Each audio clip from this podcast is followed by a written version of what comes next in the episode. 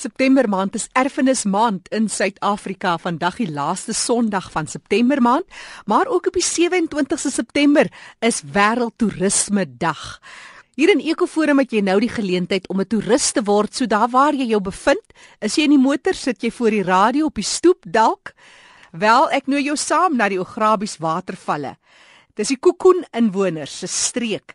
En dis waar die naam Gariep ook vandaan kom, Groot Rivier in hulle inheemse taal. Die rivier is dalk vir jou beter bekend as die Oranje rivier. Wel, dit is die Ograbies watervalle, een van ons nasionale parke waar ons as toeriste ons plekkie gaan vind vir die oomblik. Die Ograbies waterval se naam is ontleen van die kokoen Ukurubus en ek hoop nou maar ek spreek dit reg uit.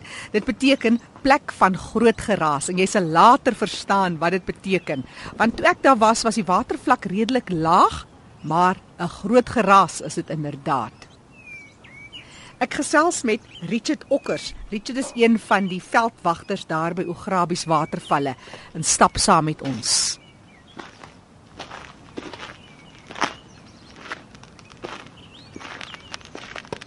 Richard, vertel my oor die bome, die blomme, die plante. Die fauna en flora hier by Grabies. Ons het hier gesien dat hulle die kokerboom vereer in die restaurant se naam is ook the Quiver Tree. Ja, dit is maar een van die baie spesiale bome wat is van die bewaringsbome wat is in die park het.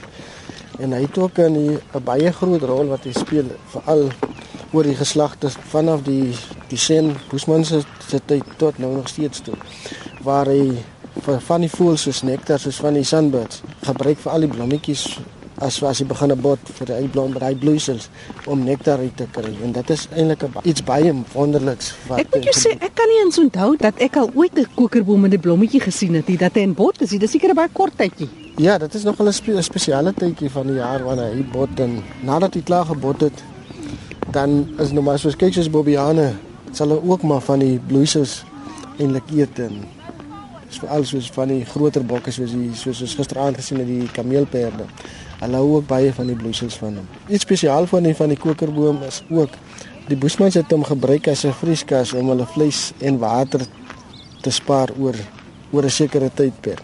Want die temperatuur binne in die boom is eintlik as hulle in die bas 'n gat gemaak het in die boom self dat hulle hulle vleis en hulle water in en hulle maar hou hom nog al redelik koel en vars. Ja, die die die basis moet amper soos asof dit kurk is, jy weet so. Ja, hy's amper so 'n kurk probeer. Hy's baie maklik om binnekant om hom uit te haal en dan jy goed te spaar. Was dit nou maar 'n natuurlike proses daai bome wat daar so so amper lyk of hulle besig om te vergaan?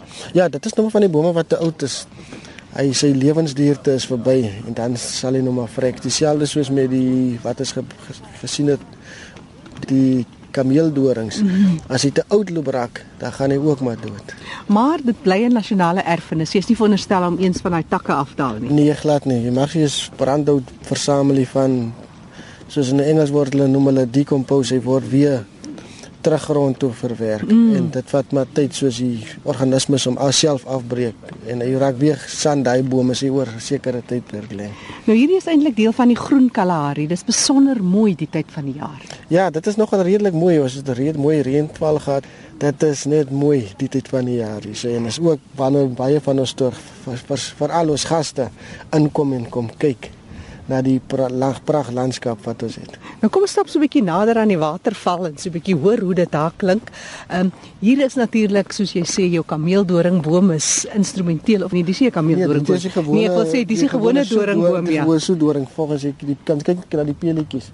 Die peletjies is baie kleiner as die van die pele van die kameel. Die kameeldoring het 'n groot peel wat wat eintlik ook gebruik was deur die veral soos die Tswana mense of die inheemse stamme wanneer hulle 'n sekere uh, ritueel doen sal die vrouens dit om hulle voete sit om, om soos 'n instrument 'n tipe ja, dans wat hulle ja. doen met hom Maar ek moet ook sê ek, ek kan my misgis dit nou want die kameeldoringboom het ook 'n langer bas en hy het mos ook 'n baie meer 'n prentjieboom. Ja. Hierdie ene groei al van onder af. Hy groei van onder af. Die rede hoekom hierdie bome so groei, dit is om net om hom teen van die blaarvreters te beskerm. Dit is hoekom hy onderom baie dorings het want die boom is nog baie jong. Die ouer bome het minder dorings onderom omrede is die blare sal die diere nie meer so baie aanvreet nie. Dit is eintlik 'n manier om hom net te beskerm. Ja nee, moeder natuur kyk mooi na haar kinders nie. Ja nee, Dit is As as 'n mens so nader stap na, na die valle self waar die water meer is en jy gaan nou weer verder na die binnelandse kant toe, vind jy dat die bome ook 'n bietjie anders lyk as wat dit hier nader aan die water is? Ja, dit is so. Kyk, 'n bietjie verder afhangende hoe die water beweeg, sal jy minder bome begin kry, veral in die loope. Is die plekke waar jy nou basies maar die water, die bome die wat baie mooi groen is, maar soos veral die bome is baie goed aangepas in hierdie biome in hierdie streek. Van hulle is nie so groot afhanklik van die water nie, maar sal selfs net lewe met die bietjie wat hulle kry.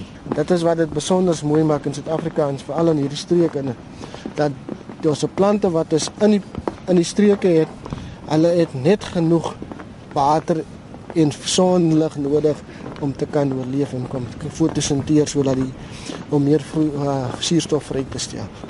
En ek moet sê dis 'n besondere area. Ek verkyk my elke keer aan die grootheid van die omgewing hier en die fisiese grootheid van die rotse. Hierdie klippe is dit is so groot. Ek dit is een klip is maklik soos 'n koppie. ja nee, dit is nie. Dit is eintlik iets besonders van hierdie landskap. Dit is hoekom die veral hierdie Ograbies watervalle is die streek waar ons is is gesorg vir sy verskillende graniete wat is het in ons het so 5 of 7 verskillende tipe graniete wat is in die park het waarvan die streek wat een wat ons nou hier sien by ons dit is die Ograbies val graniet. Mm. Dit is eintlik 'n baie jonger tipe graniet as van die ouer graniete wat is in die park het. Dit vat vat miljoene jare om te vorm.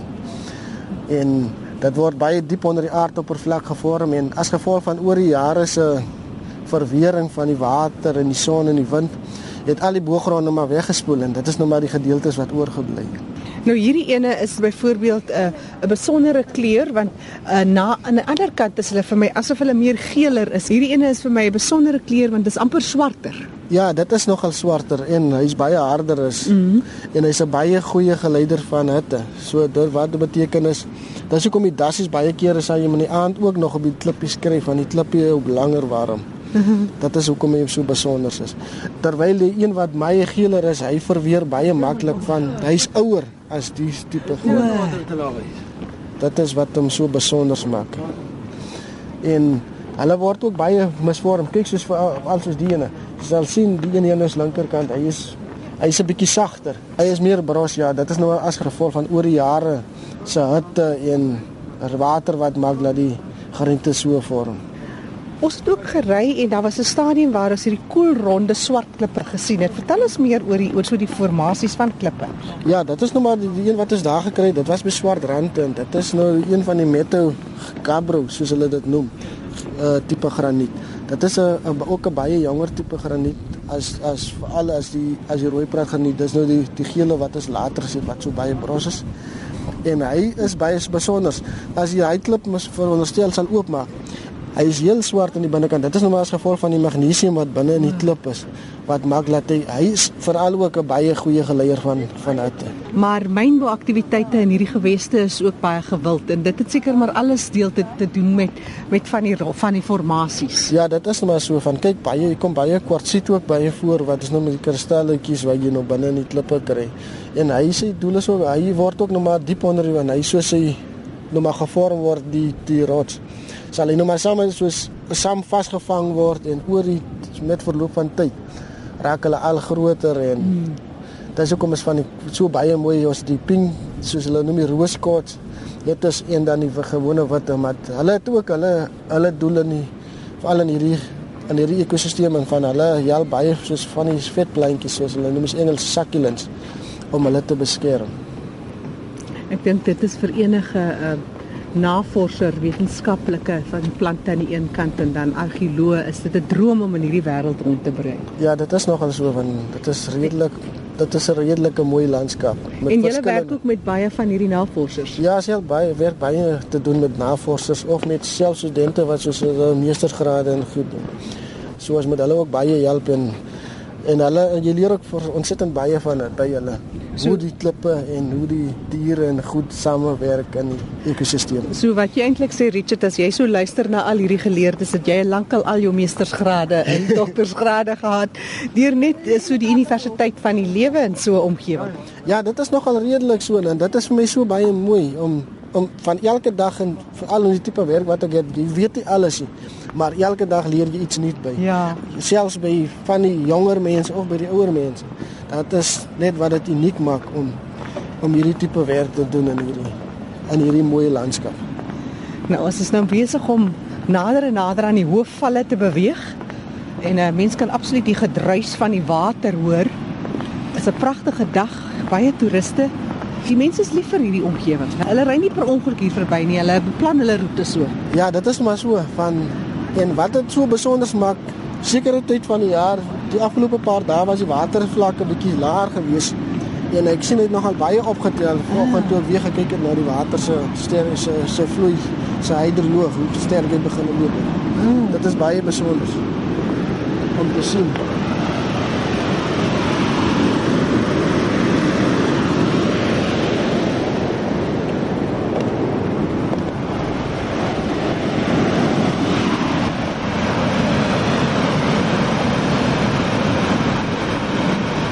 Ronde gate wat wat is aan die oorkant sien dit word ook maar as gevolg van die water se wat hulle self so uitkaller as omdat die rotsie so hard genoeg is vorm jy nou maar daai potholes binne in die in die rotse in. Dit is verbasend om te sien die krag van water want dit is perfekte koelronde gate wat daar gevorm word.